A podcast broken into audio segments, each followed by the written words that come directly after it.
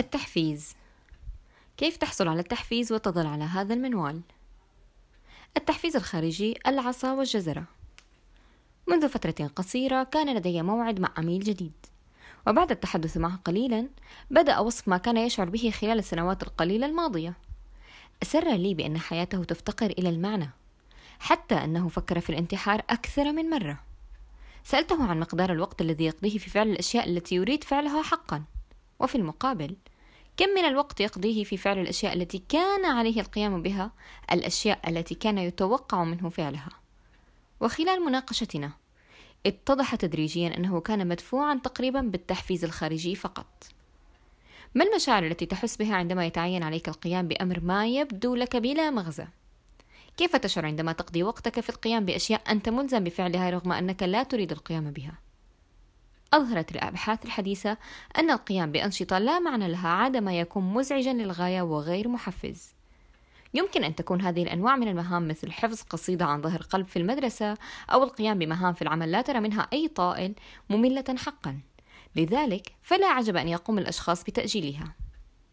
لقد تم وضع التحفيز الخارجي المكافآت والعقوبات وسياسة العصا والجزرة لإجبار الأشخاص على القيام بهذه الأشياء ضد إرادتهم حيث يجعلك هذا التحفيز الخارجي تؤدي أعمالا لم تكن لتفكر أبدا أن تقوم بها من تلقاء نفسك. ومع ذلك هناك العديد من المعوقات الرئيسية أمام التحفيز الخارجي. فعندما يفعل الأشخاص أشياء لا يريدون القيام بها يكونون أقل سعادة وتفرز أدمغتهم كمية أقل من هرمون الدوبامين. وهذه المادة إلى جانب تأثيرها على مستوى السعادة تؤثر أيضا على الإبداع والذاكرة والقدرة على التعلم. وهناك عيب آخر هو أن التعاسة التي يخلقها التحفيز الخارجي معدية اجتماعيا فالأشخاص الذين يعانون السخط يعدون من حولهم. لقد كان التحفيز الخارجي هو الذي أبقى العمال يعملون في الحقول خلال عصور الإقطاع وأجبر عمال السفن على التجديف كما أمروا في روما القديمة. واستبقى العمال في المصانع الأولى خلال الثورة الصناعية. فهذه الوظائف لم تكن تنطوي عمليا على أي إبداع. وفي المقابل تتطلب الغالبية العظمى من الوظائف التي يقوم بها الأفراد اليوم نهجا إبداعيا. لذا نحن بحاجة إلى التفكير في المشكلات بعناية وغالبا ما يتعين علينا الارتجال والبحث عن حلول غير تقليدية. أكدت العديد من الدراسات أن استخدام التحفيز الخارجي يقلل من الأداء في الأنشطة التي تتطلب حتى القليل من العمل الذهني والإبداع. ليس من المهم إذا كان التحفيز ينبع من انتظار الجزرة أو الخوف من العصا. فإذا كنت تتوقع مكافأة ولم تحصل عليها فإن تأثيرها في نفسك هو تأثير العقاب نفسه عليك. غالبا ما تجعلنا تلك العصا الخيالية المعلقة فوق رؤوسنا نكره ما يتعين علينا القيام به. قد تأتي هذه العصا في شكل مدفوعات الرهن العقاري التي تمنع الأشخاص من ترك الوظائف التي يكرهونها أو الآباء الذين يختارون الهوايات أو التخصصات الاجتماعية لأبنائهم ويجبرونهم عليها. أو الرئيس في العمل الذي يكلف مرؤوسيه بمهام دون أن يوضح السبب. إن الكراهية نتيجة طبيعية للمحفزات الخارجية وغالبا ما تؤدي إلى زيادة التسويف. التحفيز الخارجي إن التحفيز الخارجي يتسبب في جعلك غير سعيد حيث يفرز الدماغ كمية أقل من الدوبامين ما يقلل من الإبداع لديك. الأمر الذي بدوره يؤثر بالسلب على قدراتك التعليمية. كما أن العواطف السلبية التي تنتج عنها معدية اجتماعيا. إن الأشخاص الذين اعتادوا التحفيز الخارجي لا يصبح بإمكانهم العمل بشكل مستقل فعندما تختفي العصا لا يمكنهم تحفيز أنفسهم. تعتبر الدرجات المدرسية مثالا على ذلك حيث يعتاد الطلاب على سبيل المثال الدراسة للحصول على الدرجات ولكن بمجرد أن يتخرجوا ويختفي هذا الضغط غالبا ما يتوقفون عن تعليم أنفسهم ويعمل الدافع الخارجي على كبح روح المبادرة المستقبلية لدى الأشخاص. ودون العصا لن يتمكنوا من فعل الكثير من الأشياء على الإطلاق. كان عميلي الذي ذكرته آنفا محكوما بدافع خارجي طوال حياته تقريبا وأدى شعوره بالتعاسة وعدم القدرة على تعلم أشياء جديدة وإبداعه المقتول إلى, شع... إلى الشعور بالإحباط الشديد في حياته. الخبر السار الأول في هذا الفصل هو أن هناك طريقة للخروج من النطاق الذي ستضربك فيه العصا حيث يمكنك الهروب من فخ الدافع الخارجي لكن احذر لأن العديد من الكتب التحفيزية والموجهين التحفيزيين يمكنهم أن يقودوك إلى فخ آخر. فغالبا ما يروجون للعلاج في شكل محفزات ذاتية قائمة على هدف. التحفيز الداخلي القائم على الهدف. الفرح الذي لا يدوم. بيتر فكر فيما يمكن أن يجعلك سعيدا. تخيل هذه الأشياء بالتفصيل. هل ترى سيارة؟ تخيل بالضبط لونها والعلامة التجارية الخاصة بها ونوع محركها. اذهب إلى صالة العرض واجلس خلف عجلة القيادة. التقط ورقة ودون جميع رغباتك بعناية. وابحث عن بعض الصور التي تتطابق معها. وتأكد من تحديد موعد نهائي للوفاء بكل واحدة.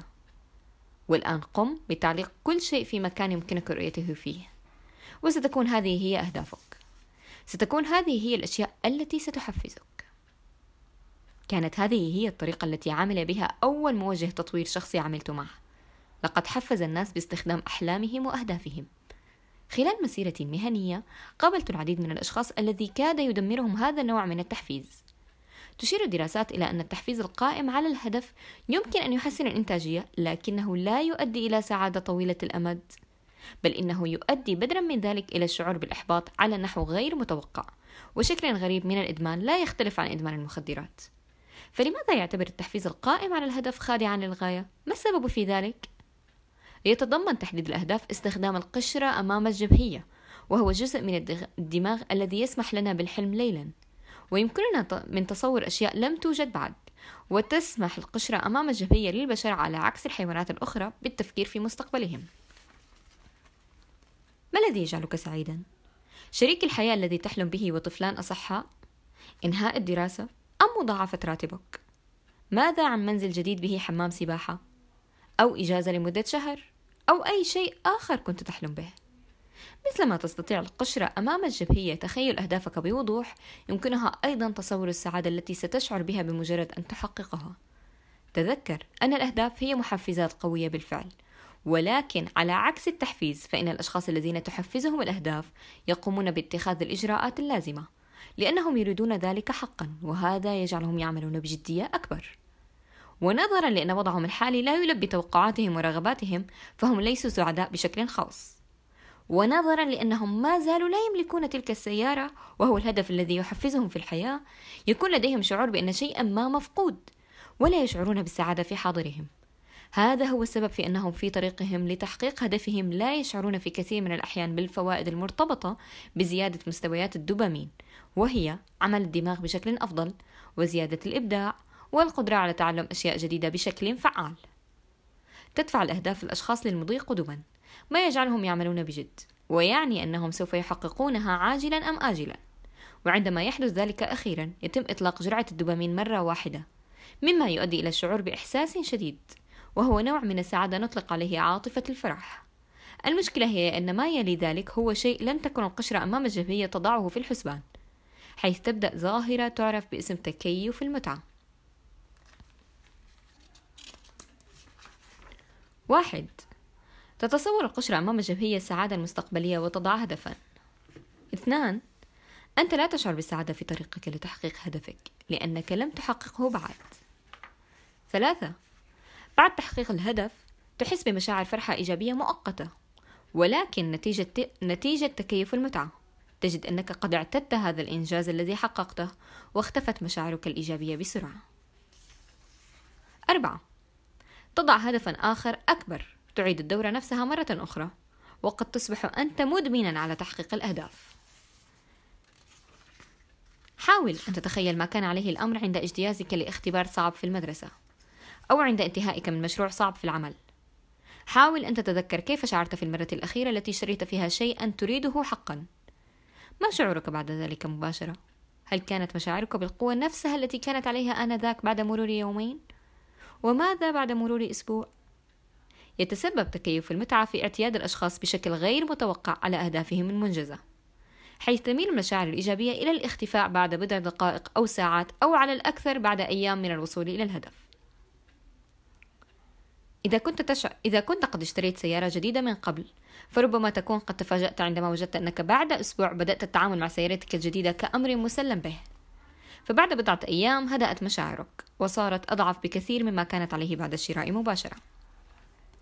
حتى إذا, وصل إذا وصلت إلى أعلى الدرجات على سبيل المثال إذا فزت بجائزة نوبل أو ميدالية ذهبية في دورة الألعاب الأولمبية فبعد مرور أسابيع قليلة لن يكون لهذه الإنجازات أي تأثير على سعادتك. فبعد فترة وجيزة سيتوقفون عن الكتابة عنك في الصحف وستقع ببطء في بئر النسيان وسوف يلحق بك تكيف المتعة مرة أخرى. قامت إحدى الدراسات بقياس مدى شعور الأشخاص بالسعادة بعد الفوز بجائزة مالية كبرى. وفي الوقت نفسه درس الباحثون أيضا كيف كان شعور الأشخاص الذين أصيبوا بالشلل مؤخرا. أشارت النتائج إلى أنه بعد عام واحد فقط كانت المجموعتان سعيدتين بشكل مماثل نسبيا حيث يمكنك التكيف مع الأشياء التي لم تكن تتوقع حدوثها في البداية. بعض الأشخاص يحسدون الآخرين على ما يمتلكونه أو يحققونه. ومع ذلك بمنظور تكيف المتعة يكون الحسد غير منطقي على الإطلاق. فحتى وإن كانوا حسودين وتمكنوا من الحصول على ما يريدون فإن تكيف المتعة لن يسمح لهم بالشعور بالسعادة. فسرعان ما سيعتادون امتلاك الأشياء التي كانوا يتوقون إلى امتلاكها ذات يوم.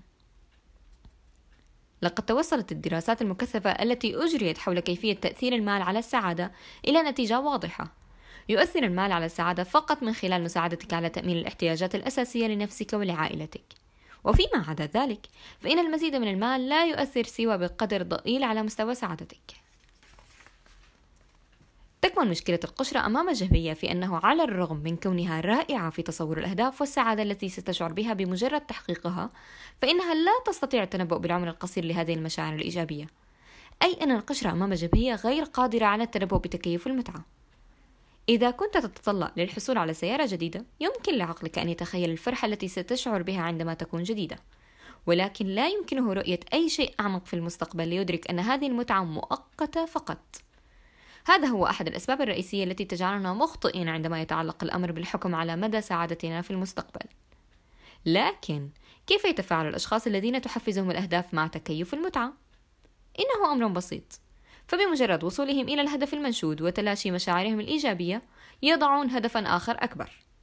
أعتقد أن السيارة من ماركة, من ماركة أودي لم تجعلني سعيدا لكن السيارة من ماركة بورش ستفعل ذلك. وتبدأ مطاردة الهدف من جديد ومرة أخرى لا يشعرون بالسعادة أثناء تحقيق هذا الهدف من جديد. لأنهم ما زالوا لم يحققوه بعد. إنهم يعملون ويعملون وربما سيحصلون على ما يريدون مرة أخرى. ومن ثم سيشعرون بعاطفة الفرح ولكن نتيجة تكيف المتعة سيختفي هذا الشعور مرة أخرى قريبا. فماذا يكون رد فعلهم؟ يضعون هدفا أكبر آخر وتتكرر الدورة نفسها مرة مرارا وتكرارا. تؤثر عاطفة الفرح الناتجة عن تحقيق هدف ما على جزء نفسه من الدماغ الذي يتم تنشيطه عند تناول جرعة من الكوكايين. وهكذا يمكن أن تؤدي عاطفة الفرح إلى ما يسمى الإدمانات الاستثارية المؤقتة. يندرج إدمان المواد غير المحتشمة وألعاب الفيديو والرياضات العنيفة أيضا تحت الفئة نفسها. يحتاج مدمنو الإثارة إلى القفز من منحدرات أعلى وأعلى والقيام بأشياء أكثر تطرفا من أجل الشعور باندفاع الاندرالين كل مرة وبالطريقة نفسها. يحتاج الأشخاص الذين تحفزهم أهدافهم أن يضعوا أهدافا أكبر وأكبر في كل مرة حيث يصبحون ما نطلق عليه اسم مدمني الأهداف.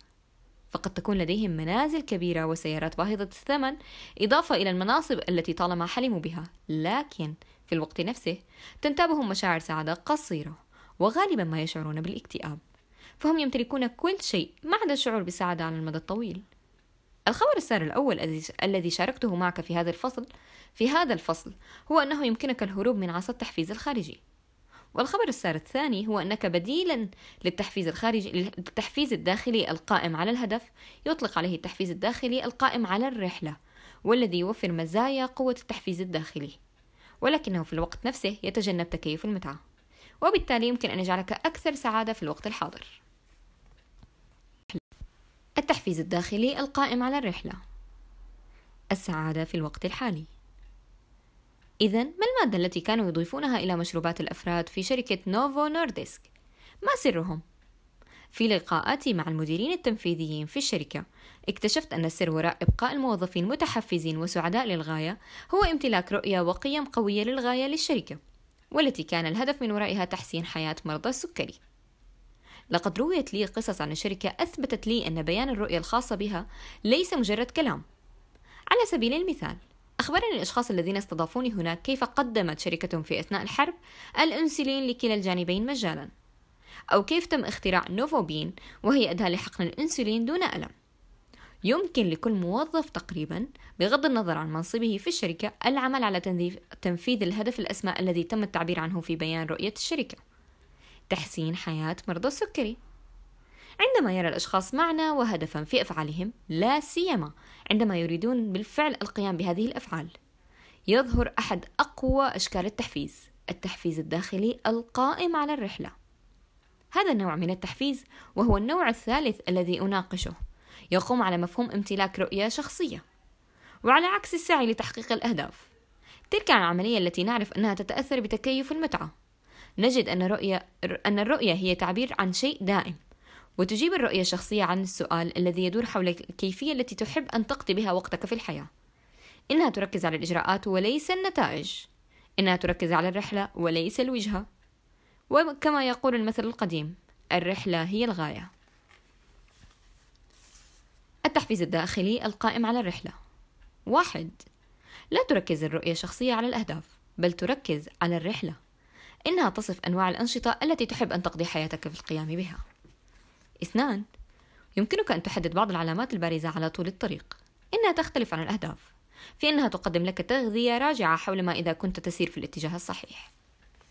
ثلاثة الرؤية هي تعبير عن شيء دائم لذا لا يمكن أن يسيطر عليك تكييف المتعة. فما دام لا يوجد لديك أي أهداف لتحققها فأنت أكثر سعادة الآن. أربعة مقارنة بعاطفة الفرح فإن هرمون الدوبامين إلى جانب شعور السعادة اللذين ينطلقان في أثناء حالة التدفق لهما تأثير دائم. خمسة. عندما تقول بإفعال نكران الذات تتم مكافأتك بمشاعر قوية وهي عاطفة المعنى.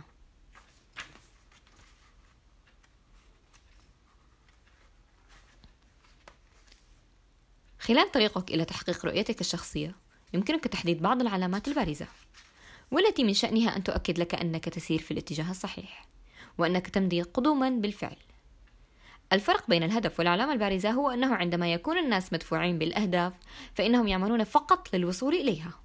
وفي المقابل العلامة البارزة هي المساعد فهي علامة رئيسية مميزة توفر لك تغذية راجعة حول ما إذا كنت تسير في الاتجاه الصحيح.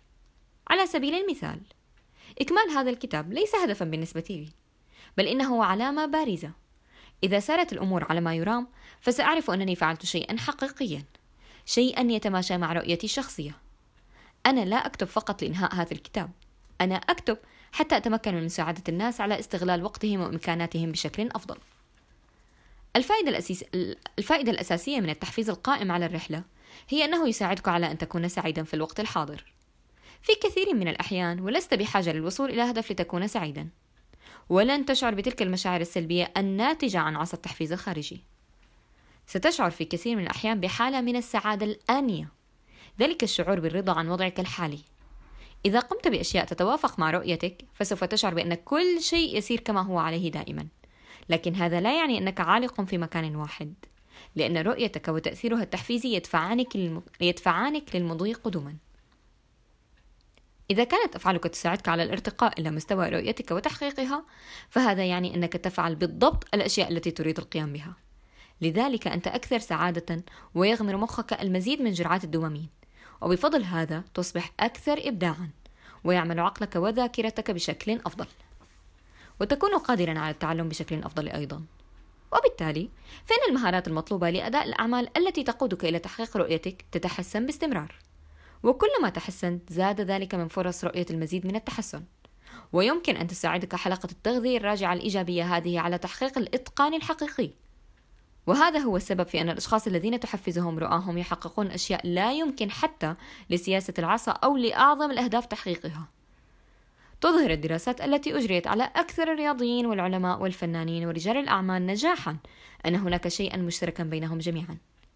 فالأنشطة التي يقومون بها تجعلهم في حالة تدفق. تستطيع الوصول إلى حالة التدفق الخاصة بك عندما تواجه تحديا وتقوم باستغلال نقاط قوتك ومهارتك وتصبح مستغرقا تماما فيما تفعله. ويتوقف الوقت بالنسبة لك على عكس عاطفة الفرح التي نشعر بها لفترة وجيزة فقط. بعد تحقيق الهدف فإن الوصول إلى حالة التدفق يمكن أن يطلق الدوبامين على المدى الطويل.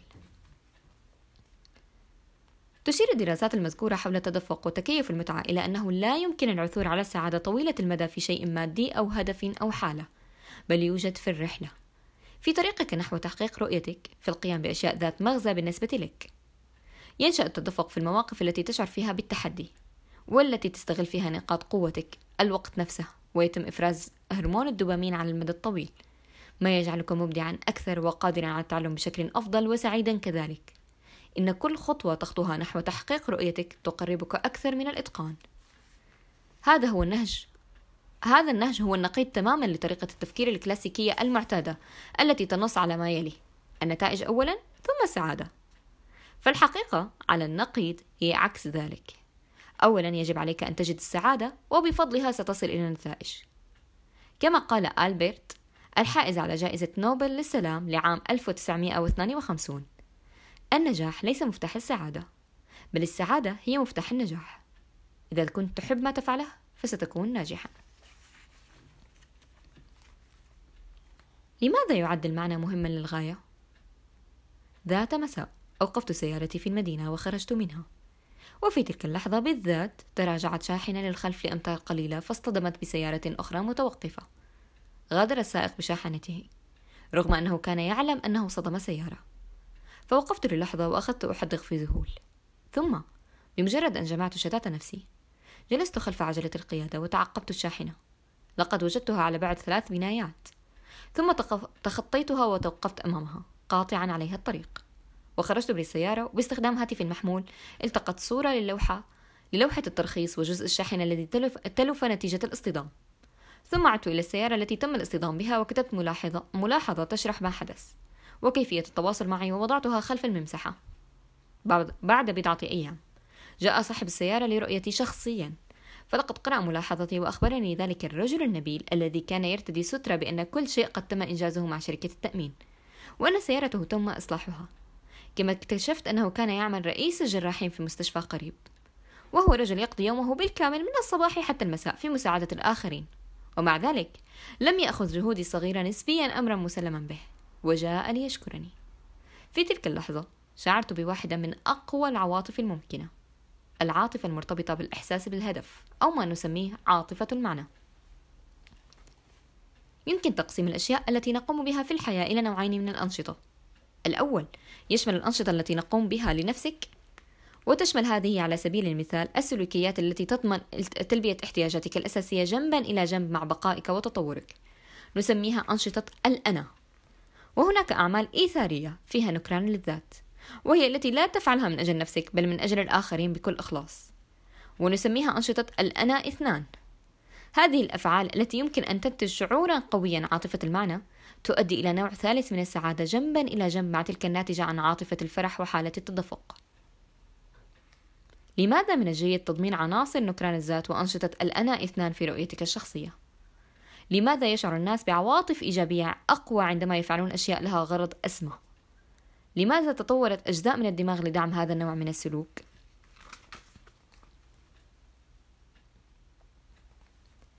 لتوضيح هذه النقطة تخيل وحدة فردية من شيء ما يمكن أن تكون ذرة واحدة أو جزئيا أو خلية أو حتى نملة أو فيلا أو إنسانا. تخيل أن هذا الكيان الفردي لديه إمكاناته الخيالية الخاصة التي يحاول تحقيقها. تحاول الذرة الارتباط بذرات أخرى وتحاول خلية الدم البيضاء قتل البكتيريا الضارة ويحاول الشخص أن يرتقي إلى مستوى رؤيته الشخصية. إذا كان العديد من الأفراد موجودين بالقرب من بعضهم فسيحدث التنظيم الذاتي عاجلا أم آجلا. يبدأ الأفراد الانضمام تلقائيا معا وإنشاء مجتمعات تساعدهم على تحقيق كامل إمكاناتهم بشكل أكثر فعالية. ويساعد التنظيم الذاتي على خلق مساحة للتعاون أو ما يعرف بالتآزر الاجتماعي. لكن هذا ليس هو كل شيء فلا يحدث التنظيم الذاتي على المستوى الفردي فحسب بل على مستوى المجموعة أيضا. حيث تنضم المجموعات عاجلا أم آجلا معا لإنشاء مجتمعات أكبر تساعدهم على العمل بشكل أفضل. وهكذا يستمر الأمر. يحدث التنظيم الذاتي على نطاق صغير وصولا إلى النطاق الكلي. وتتحد الذرات لتتشكل جزيئات وتتحد الجزيئات لتتشكل خلايا وتتحد الخلايا لتكوين كائنات حية وتتحد الكائنات الحية لتكوين مجتمعات وهكذا.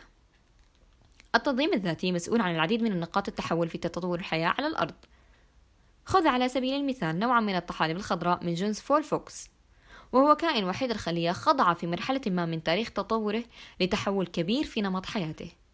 حيث توقفت الكائنات الحية الفردية عن العيش بشكل منفصل وبدأت تكوين مستعمرات كبيرة. تتكون هذه المستعمرات الكروية من مئات الكائنات الحية الفردية التي يمكن أن تتحرك بشكل أكثر فعالية وتعمل بشكل أفضل كمجموعة. لقد أصبحت هذه الطحالب رمزا لتحول الكائنات وحيدة الخلية إلى كائنات متعددة الخلية إذا ما نوع التحفيز الأكثر فائدة؟ إذا كنت تريد محاربة التسويف وأن تكون سعيدا في الوقت نفسه. فأنت بحاجة إلى اختيار النوع المناسب من التحفيز. كما تشير نتائج البحث ينبغي أن لا يكون هذا تحفيزا خارجيا قائما على العصا أو العقاب وينبغي أن لا يكون هناك تحفيز ذاتي قائم على الهدف. أكثر أنواع التحفيز فعالية هو التخلص من العصي والأهداف وخلق رؤية شخصية تؤدي إلى تحفيز ذاتي قائم على الرحلة. ومع ذلك لن تكون الرؤية حافزا قويا إذا كانت تنطوي فقط على أداء الأفعال الأنانية للأنا واحد. فقط الأنشطة التي تؤدي إلى الخير الأولي. أفعال الإيثار ونكران الذات للأنا اثنان هي التي يمكن أن تطلق عاطف عاطفة المعنى وهي واحدة من أقوى العواطف التي يمكنك الشعور بها. سيدفعك هذا النوع من التحفيز قدما باستمرار ويجذبك إلى الأمام مثل المغناطيس القوي. في الوقت نفسه ستشعر بحالة من التدفق وعاطفة المعنى. الأمر الذي من شأنه أن يجعلك تشعر بالكثير من المشاعر الإيجابية ما يضعك في حالة دائمة من السعادة في الوقت الآني. إذا كنت تحيط نفسك بأشخاص لديهم رؤية مماثلة يمكنك التعاون معهم وإنشاء مجتمع وهكذا يولد التحفيز الاجتماعي. ما ما يعظم من تأثيرات رؤيتك الشخصية. كيف يمكنك تكوين رؤية شخصية؟ إذا لم يكن لديك أي فكرة فلا تقلق. سوف يساعدك الفصل التالي في ذلك. الأداة الرؤية الشخصية. شارك ستيف جوبز هذه الفكرة مع خريجي جامعة ستانفورد عام 2005 حيث قال لهم وقتك محدود لذلك لا تضيعه في عيش حياة شخص آخر ولا تقع في شرك المعتقدات الراسخة حيث تعيش وفقا لنتائج تفكير الآخرين. يعد اختيار النوع الصحيح من التحفيز أمرا حاسما لتطورك الشخصي وتقليل التسويف. لذلك فإن الأداة العملية الأولى التي سنشاركها معك في هذا الكتاب هي كيفية إنشاء رؤية شخصية وتمهيد الطريق للتحفيز القائم على الرحلة. هذا النوع من التحفيز سيجعل رؤيتك تأثيرا دائما. ولن يؤدي ذلك فقط إلى نتائج ولكن أيضا سيؤدي إلى زيادة مستوى السعادة لديك في كثير من الأحيان. ولأننا نتحدث عن حياتك والمسؤولية التي تتحملها تجاهها فأنت بحاجة إلى تكوين رؤيتك الشخصية. لا تنسى أبدا كلمة شخصية في اسم الأداة. ذات مرة طلب مني أحد العملاء أن أضع رؤية له وكان على استعداد لدفع ثمن في مقابل تلك الخدمة التي سأقدمها له حيث ادعى أنه لم يكن لديه الوقت للقيام بذلك بنفسه. فشرحت له أن هذا الأمر لن يجدي نفعا. فمن أجل أن تشعر أن تشعل الرؤية محرك التحفيز الداخلي يجب أن تكون تعبيرا عن الاستقلال الذاتي. يجب أن تكون رؤيتك الخاصة ثمرة جهودك تحتوي على أفكارك وقيمك. كيف يمكنك تكوين رؤيتك؟ قبل أن تبدأ نوصي بالاستعداد باتباع بضع الخطوات البسيطة. لقد وضعنا أدوات الدعم التالية لمساعدتك على اكتشاف معلومات مفيدة عن نفسك والتي ستساعدك لاحقا في تشكيل النسخة النهائية من رؤيتك الشخصية. واحد التحليل الرباعي الشخصي. سيكشف لك عن نقاط قوتك وضعفك وسيساعدك أيضا على تحديد التهديدات التي قد تمنعك من المضي قدما وكذلك العثور على فرص جديدة. اثنان قائمة الإنجازات الشخصية ستساعدك على تدوين الأشياء التي حققتها في الحياة. والتي تجعلك فخورا بنفسك. ثلاثة تحليل الأنشطة التحفيزية سيساعدك على تحديد الأشياء التي تريد القيام بها في الحياة. وهناك أربعة أنواع من الأنشطة التي يمكن أن تولد تحفيزا قويا. أربعة النسخة التجريبية من رؤيتك الشخصية ستساعدك على وضع الأساس لرؤيتك النهائية. تعتبر المراحل الأولى من تكوين الرؤية هي الأهم ولكن في الوقت نفسه غالبا ما يماطل الأشخاص في تنفيذها. ستعمل هذه الطريقة على تبسيط العملية وتتيح لك البدء حقا. خصص لنفسك وقت فراغ في ظهيرة يوم ما واعمل في سلام وهدوء. ستجد تعليمات مفصلة حول كيفية القيام بذلك في الصفحات التالية. يتطلب العمل على تكوين رؤيتك الشخصية وقتا فلا تستعجل نفسك. وبينما تعمل ستجد أنك تتقدم تدريجيا نحو إنتاج النسخة النهائية من الرؤية الشخصية. باختصار التحليل الرباعي الشخصي قائمة الإنجازات الشخصية تحليل الأنشطة التحفيزية النسخة التجريبية من الرؤية الشخصية وخمسة النسخة النهائية من الرؤية الشخصية لنكمل التحليل الرباعي الشخصي هل أنت مبدع لكنك في بعض الأحيان غير منظم؟ أم أنك دقيق وتحليلي لكنك أحيانا تكون غير قادر على الارتجال؟ غالبا ما أسأل الأشخاص عن نقاط قوتهم وضعفهم ونوع الأنشطة التي يستمتعون بها وأي نوع لا يستمتعون به. من الجدير بالذكر أنه على الرغم من أن هذه الأسئلة مهمة نسبيا فإن الأشخاص غالبا لا يملكون إجابات عنها. سيساعدك التحليل الرباعي الشخصي في العثور على الإجابات. أول شيء عليك القيام به هو ملء الصف الأعلى من المخطط التحليلي الرباعي الشخصي. اطرح على نفسك هذا السؤال. ما نقاط القوة والضعف لدي؟ حاول التوصل إلى خمس نقاط قوة وخمس نقاط ضعف على الأقل. ما الهدف من كل هذا؟ يجب عليك استخدام نقاط قوتك في الأنشطة التي ستؤديها غالبا لتحقيق رؤيتك. فعندما تكون لديك المهارات والشعور بالمعنى حينها يولد التدفق. في المقابل نقاط الضعف هي عدو التدفق. لذا كن حذرا من نقاط الضعف لديك عند تكوين رؤيتك. وإذا كنت تفتقر إلى المهارات اللازمة لأداء نشاط معين ولكن في الوقت نفسه هذا النشاط مهم لتحقيق رؤيتك فسوف ينتهي بك الأمر إلى الشعور بالقلق والإحباط. في وقت من الأوقات كان يعمل في شركتنا محاسب تسبب في فقدان سجلات مالية بها عمل ثلاث سنوات. أتذكر كيف كان المشي في مكتبه المليء بأكوام لا تنتهي من الأوراق المنثورة بشكل عشوائي. أعتقد أن الدقة إحدى نقاط القوة التي يجب أن يتمتع بها كل محاسب. كانت هي الصفة التي يفتقر إليها تماما. بعد حوالي خمسة أشهر عندما توقف عن التواصل معنا نهائيا وجد السجلات التي نحتاج إليها وأعادها إلينا. لا أعتقد أنه كان شخصا سيئا ولا أعتقد أنه سلوكه كان متعمدا. فالسبب في اعتقادي هو أنه أخطأ في تقدير قدراته. لقد رسخت هذه التجربة في تفكيري أنه يجب على الأشخاص أن يضعوا في اعتبارهم نقاط قوتهم وضعفهم عندما يختارون مهنتهم أو نوع التعليم الذي يريدون الحصول عليه. وهذا ينطبق بشكل خاص على تكوين الرؤية الشخصية. كم من الوقت يجب أن تقضيه في العمل على نقاط ضعفك؟ من واقع خبرتي على على الرغم من أنه من المفيد بالتأكيد العمل على نقاط ضعفك أعتقد أنه يجب عليك قضاء المزيد من الوقت في تطوير نقاط قوتك. لقد اكتشفت أن النسبة المثالية لدي هي 80 في 20 وهذا يعني أنني أخصص 80% من وقتي لتطوير نقاط قوتي و20% فقط لمواجهة نقاط ضعفي. يجب أن لا تتحداك رؤيتك الشخصية وتوجهك في الاتجاه الصحيح فحسب. فمن المهم أيضا التأكد من أن الأنشطة الرئيسية التي تقوم بها والتي تقودك إلى تحقيق رؤيتك الشخصية تتكون من نقاط قوتك. في أثناء كتابتي لهذه الكلمات لا أشعر بالتدفق نفسه الذي كنت سأشعر به لو أنني كنت أقولها لك شخصيا في إحدى ندواتي. وعلى الرغم من أنني أرى المعنى والهدف نفسيهما في كلا الأمرين الكتابة والتحدث فطالما كان الحديث أمرا سهلا يتدفق إليه بشكل طبيعي في حين أنني لم أعتبر الكتابة واحدة من نقاط قوتي هذا هو السبب في أن رؤيتي الشخصية تعتمد على مهاراتي في التدريب أكثر من قدراتي الأدبية. لكن دعنا نعد, نعد إلى التحليل الرباعي. الخطوة التالية التي يجب عليك القيام بها هي أن تملأ خانتي الفرص والتهديدات.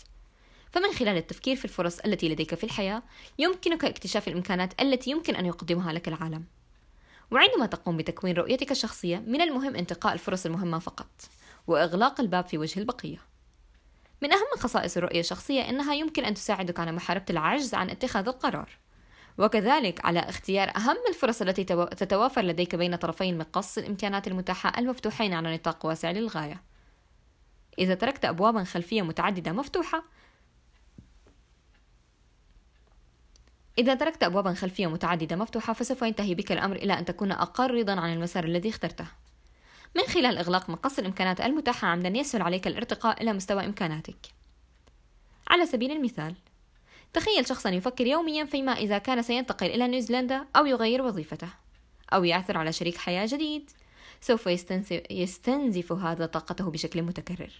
ومع ذلك إذا كنت قادرا على اتخاذ قرار طويل الأجل أو دائم بدلا من قضاء أيامك في تردد فستتمكن من التركيز على الأشياء التي قررت أنها مهمة بالنسبة لك. إن تحليل التهديدات مهم كإجراء وقائي حيث يجب أن تفكر دائما في العقبات التي قد تلقيها الحياة في طريقك. غالبا ما يكتشف الأشخاص أنه لا توجد تهديدات كبيرة تواجههم ويساعد هذا الاكتشاف على تهدئة القلق والقضاء على الخوف من المستقبل ويعطي شعورا أكبر بالثقة. إذا لم تكن متأكدا من أي جزء من الأجزاء الأربعة للتحليل الرباعي الخاص بك فلا تقلق ويمكنك دائما العودة إليها في أي وقت في المستقبل. فالفكرة الرئيسية وراء إجراء هذا التحليل هي جعلك تفكر في هذه الجوانب الأربعة من حياتك من أجل مساعدتك على إنشاء نسخة نهائية من رؤيتك الشخصية. ستساعدك الرؤية الشخصية على استغلال أهم الفرص. ومن خلال الحد من نطاق إمكاناتك سيمكنك الارتقاء إليها واستغلالها بمزيد من السهولة. قائمة الإنجازات الشخصية. أحضر بعض الأوراق البيضاء الخالية من الكتابة وقم بعمل قائمة بأهم إنجازاتك في الحياة. اكتب الأشياء التي تجعلك فخورا بنفسك. واستمر في الكتابة حتى تحصل على عشرة عناصر على الأقل. سوف يستغرق هذا بعض الوقت. لذلك تفرغ لمدة ساعة وابحث عن مكان لطيف وأحضر قلما وورقة واكتب كل ما يخطر ببالك. أخبرني أحد عملائي بأن هذه كانت المرة الأولى التي يفكر فيها في إنجازاته. ولقد أخبرني بأنه في أثناء تدوين تلك الإنجازات تذكر بعض الأشياء التي كان قد نسيها منذ فترة طويلة. حتى أنه أحضر قائمة مكونة من 24 بندا إلى اجتماعنا التالي. عندما قرأها شعرت بحماسته وتحسن ثقته بنفسه. كل من هذه المشاعر ضرورية للعمل على النسخة النهائية من رؤيتك الشخصية. وستعزز قائمة الإنجازات الشخصية المشاعر الإيجابية لديك في كل مرة تنظر إليها. تحليل الأنشطة التحفيزية. ما نوع الأشياء التي ترغب في القيام بها من أجل أن تتطور؟ هل, لدي... هل تريد أن تتعلم شيئا جديدا؟ هل تريد ممارسة الرياضة؟ هل ترغب في تناول المزيد من الطعام الصحي؟ ما نوع الأنشطة التي ترغب في القيام بها من أجل ترك بصمتك في العالم؟ ماذا تريد أن تفعل لبناء علاقات مع الآخرين؟ ما نوع أنشطة الأنا إثنان التي يمكنك القيام بها؟ يمكن أن يساعدك تحليل الأنشطة التحفيزية على اكتشاف الأشياء التي عندما تقوم بتضمينها في رؤيتك الشخصية تخلق تحفيزا داخليا قويا ولمزيد من التوضيح يمكنك تقسيم هذه الأنشطة إلى أربع مجموعات. المجموعة الأولى أنشطة التطوير وتشمل التعليم وتنمية المهارات والرياضة والعيش بأسلوب حياة صحي وتطوير تقنيات الراحة الفعالة. اثنان أنشطة صناعة الإرث. إرثك هو ما تتركه للعالم. يمكن أن تؤدي هذه الأنشطة إلى ترك إرث مادي مثل زراعة الأشجار وبناء منزل أو يمكن أن تكون معنوية أي نقل الأفكار والقيم إلى الآخرين. إن تربية الطفل هي خير مثال على هالنوع الأخير. ثلاثة. أنشطة بناء العلاقات. البشر مخلوقات اجتماعية وبالتالي فإن تكوين روابط مع الآخرين أمر مهم لغاية وهذه هي الأنشطة التي تتضمن انخراطك مع عائلتك وأصدقائك أو إنشاء جهات اتصال جديدة في العمل. أربعة الأنشطة التي تحفزها الأنا اثنان وهي أعمال الإيثار ونكران الذات التي لا تفعلها لنفسك ولكن لمن حولك. ويمكن أن تكون أشياء تساعد الآخرين أو أنشطة تعمل على تحسين طريقة عمل المجتمع. بشكل عام إنها أعمال ذات معنى أعمق. يجب أن تتضمن الرؤية الشخصية المتوازنة الأنشطة التي تكمل بعضها البعض والتي تغطي جميع المجالات المذكورة أعلاه فعلى سبيل المثال بعد تأليفي هذا الكتاب بالنسبة يعد تأليفي لهذا الكتاب بالنسبة لي نشاطا يغطي كل هذه المجالات. إنه يطور مهاراتي الأدبية ويوجد في الوقت نفسه إرثا من أفكاري. لقد جعل هذا الكتاب مقابلة أشخاص جدد أمرا ممكنا. وأعتقد أنه وأعتقد أنه سيساعد قراءه على تحسين حياتهم. سيؤدي من المخطط التالي إلى مساعدتك على صياغة الرؤية الشخصية النهائية. حاول أن تأتي بثلاث أفكار على الأقل لأشياء تود القيام بها في الحياة. لكل نوع من هذه الأنشطة. النسخة التجريبية من رؤيتك الشخصية.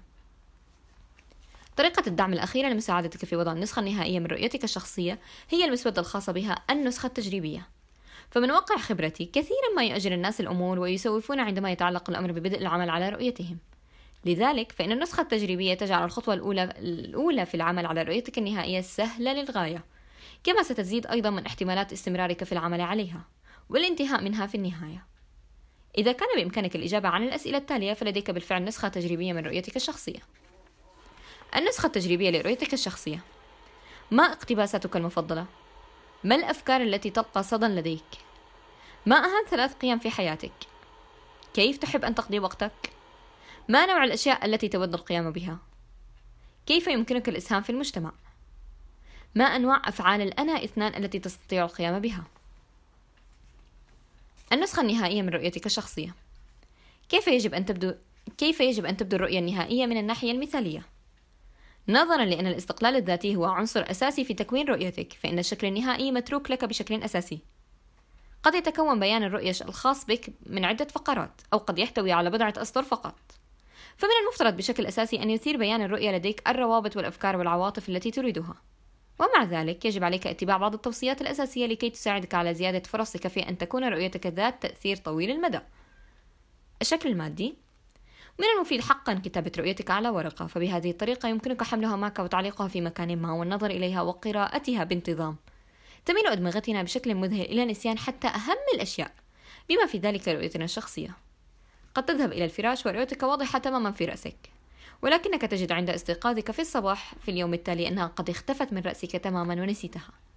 سيكون وجود نسخة مكتوبة بمثابة تذكير دائم لك. فعلى سبيل المثال عندما تستيقظ في الصباح تتذكر الأفعال الرئيسية سيسمح لك بتدوين رؤيتك أيضا بتحديثها وتعديلها وسيؤدي إلى الوصول لنسخة مثالية أكبر. الاستجابة العاطفية. لزيادة الاستجابة العاطفية يمكنك إضافة بعض الاقتباسات أو الأفكار المفضلة لديك. والتي تلقى صدى قوية من داخلك. يمكن أن يكون للصورة الفوتوغرافية أو الصورة المرسومة تأثير مماثل حيث أنها قد تثير الروابط الصحيحة لديك ويمكن أن تحتوي رؤيتك تماما مثل هذا الكتاب على أشكال بيانية أو رسومات أو عناصر أخرى مصورة حيث يمكن أن تصبح هي عملك الفني الخاص بك. التركيز على الإجراءات وليس على الأهداف. كما أوضحت سابقا غالبا ما يقع الأشخاص في فخ تكيف المتعة. إذا كنت لا تريد أن تصبح مدمنا على الأهداف فيجب أن تركز رؤيتك على رحلتك وليس على الأهداف. على سبيل المثال قد تتضمن رؤيتك عبارة تقول هدفي في الحياة هو أن أفعل. من خلال التركيز على الرحلة ستشق طريقك نحو تحقيق حالة من التدفق ما يجعلك أكثر سعادة في الوقت الحالي. قم بتضمين أنشطة الأنا اثنان. إذا كانت رؤيتك أنانية للغاية فيما يتعلق بالهدف فلن تساعدك على معايشة عاطفة المعنى. لذلك يجب أن تتضمن رؤيتك كلا من أنشطة الأنا واحد إضافة إلى أنشطة الأنا اثنان. وقد وصف المخترع نيكولا تيسلا رؤيته حيث قال إن كل ما فعلته كان من أجل البشرية من أجل عالم لا يوجد فيه أي إذلال للفقراء نتيجة عنف الأغنياء حيث يخدم, يخدم نتاج الفكر والعلم والفن المجتمع من أجل جعل الحياة أفضل وأجمل. التوازن والترابط. يجب أن تكون رؤيتك الشخصية متوازنة ويجب أن تغطي حياتك العملية. وكذلك حياتك الشخصية والعائلية. نظرا لأنه لا يمكنك تخصيص 100% من وقتك وطاقتك لكل شيء. فأنت بحاجة إلى تحديد الأولويات ومقدار الوقت الذي ترغب في قضائه في كل نشاط. يجب أن تكون رؤيتك الشخصية أيضا مترابطة ويعني هذا أن تعمل جميع أجزائها معا في توافق وترابط. يجب أن لا تكون هناك أي صراعات جوهرية. بمعنى أن التزامك بجزء واحد من رؤيتك يلغي قدرتك على تحقيق جانب آخر. استخدم وسائل للتذكير. وهي أدوات مادية من شأنها أن تذكرك برؤيتك. أنا شخصيا لدي خاتم صنعته بنفسي عندما كنت صغيرا وهو ذو شكل متميز واستخدمته كرمز لرؤيتي. وكلما أردت تذكيري بن... تذكير نفسي برؤيتي ولم تكن لدي نسخة ورقية في متناول يدي أقوم بلف خاتمي عدة مرات. تساعد هذه العادات عقلك على ربط الأشياء الوسيلة التي اخترتها بالأفكار التي تحتويها رؤيتك. فالمجوهرات أو الساعة التي ورثتها أو الصورة أو خلفية جهاز الكمبيوتر الخاصة بك أو رمز معين أو أغنية مفضلة أو حتى نغمات معينة لساعة المنبه يمكن أن تكون جميعها بمثابة وسائل للتذكير. يمكن لعملية تكوين رؤيتك وتطويرها أن تستمر مدى الحياة. على الرغم من أن رؤيتك قد تبدو مثالية الآن فقد تظهر مواقف جديدة في المستقبل تتطلب منك تحسينها. إن تكوين رؤية شخصية هو الخطوة الأولى والأكثر أهمية في مكافحة التسويف بشكل فعال. ولكن للأسف هي خطوة يؤجلها الأشخاص في الغالب. فلا تسوف عندما يتعلق الأمر بمكافحة التسويف. يجب أن تخطط لتخصيص أمسية بأكملها لمراجعة هذه الخطوات المحددة وإنشاء نسخة أولية من رؤيتك الشخصية. ولكي تتأكد من فعل ذلك فقط قم بجدولة هذا النشاط في التقويم الخاص بك الآن. أفكار لبدء تطبيق رؤيتك الشخصية. واحد ما الذي يمكنك القيام به من أجل البدء في استخدام رؤيتك الشخصية كل يوم؟ اثنان ما الخطوات التي يمكنك اتخاذها من أجل تطوير رؤيتك الشخصية بشكل منتظم؟ ثلاثة ما الذي يمكنك القيام به كي لا تنسى رؤيتك الشخصية؟ أربعة ما الإجراءات المحددة التي ستتخذها كي تحقق أقصى استفادة من رؤيتك الشخصية؟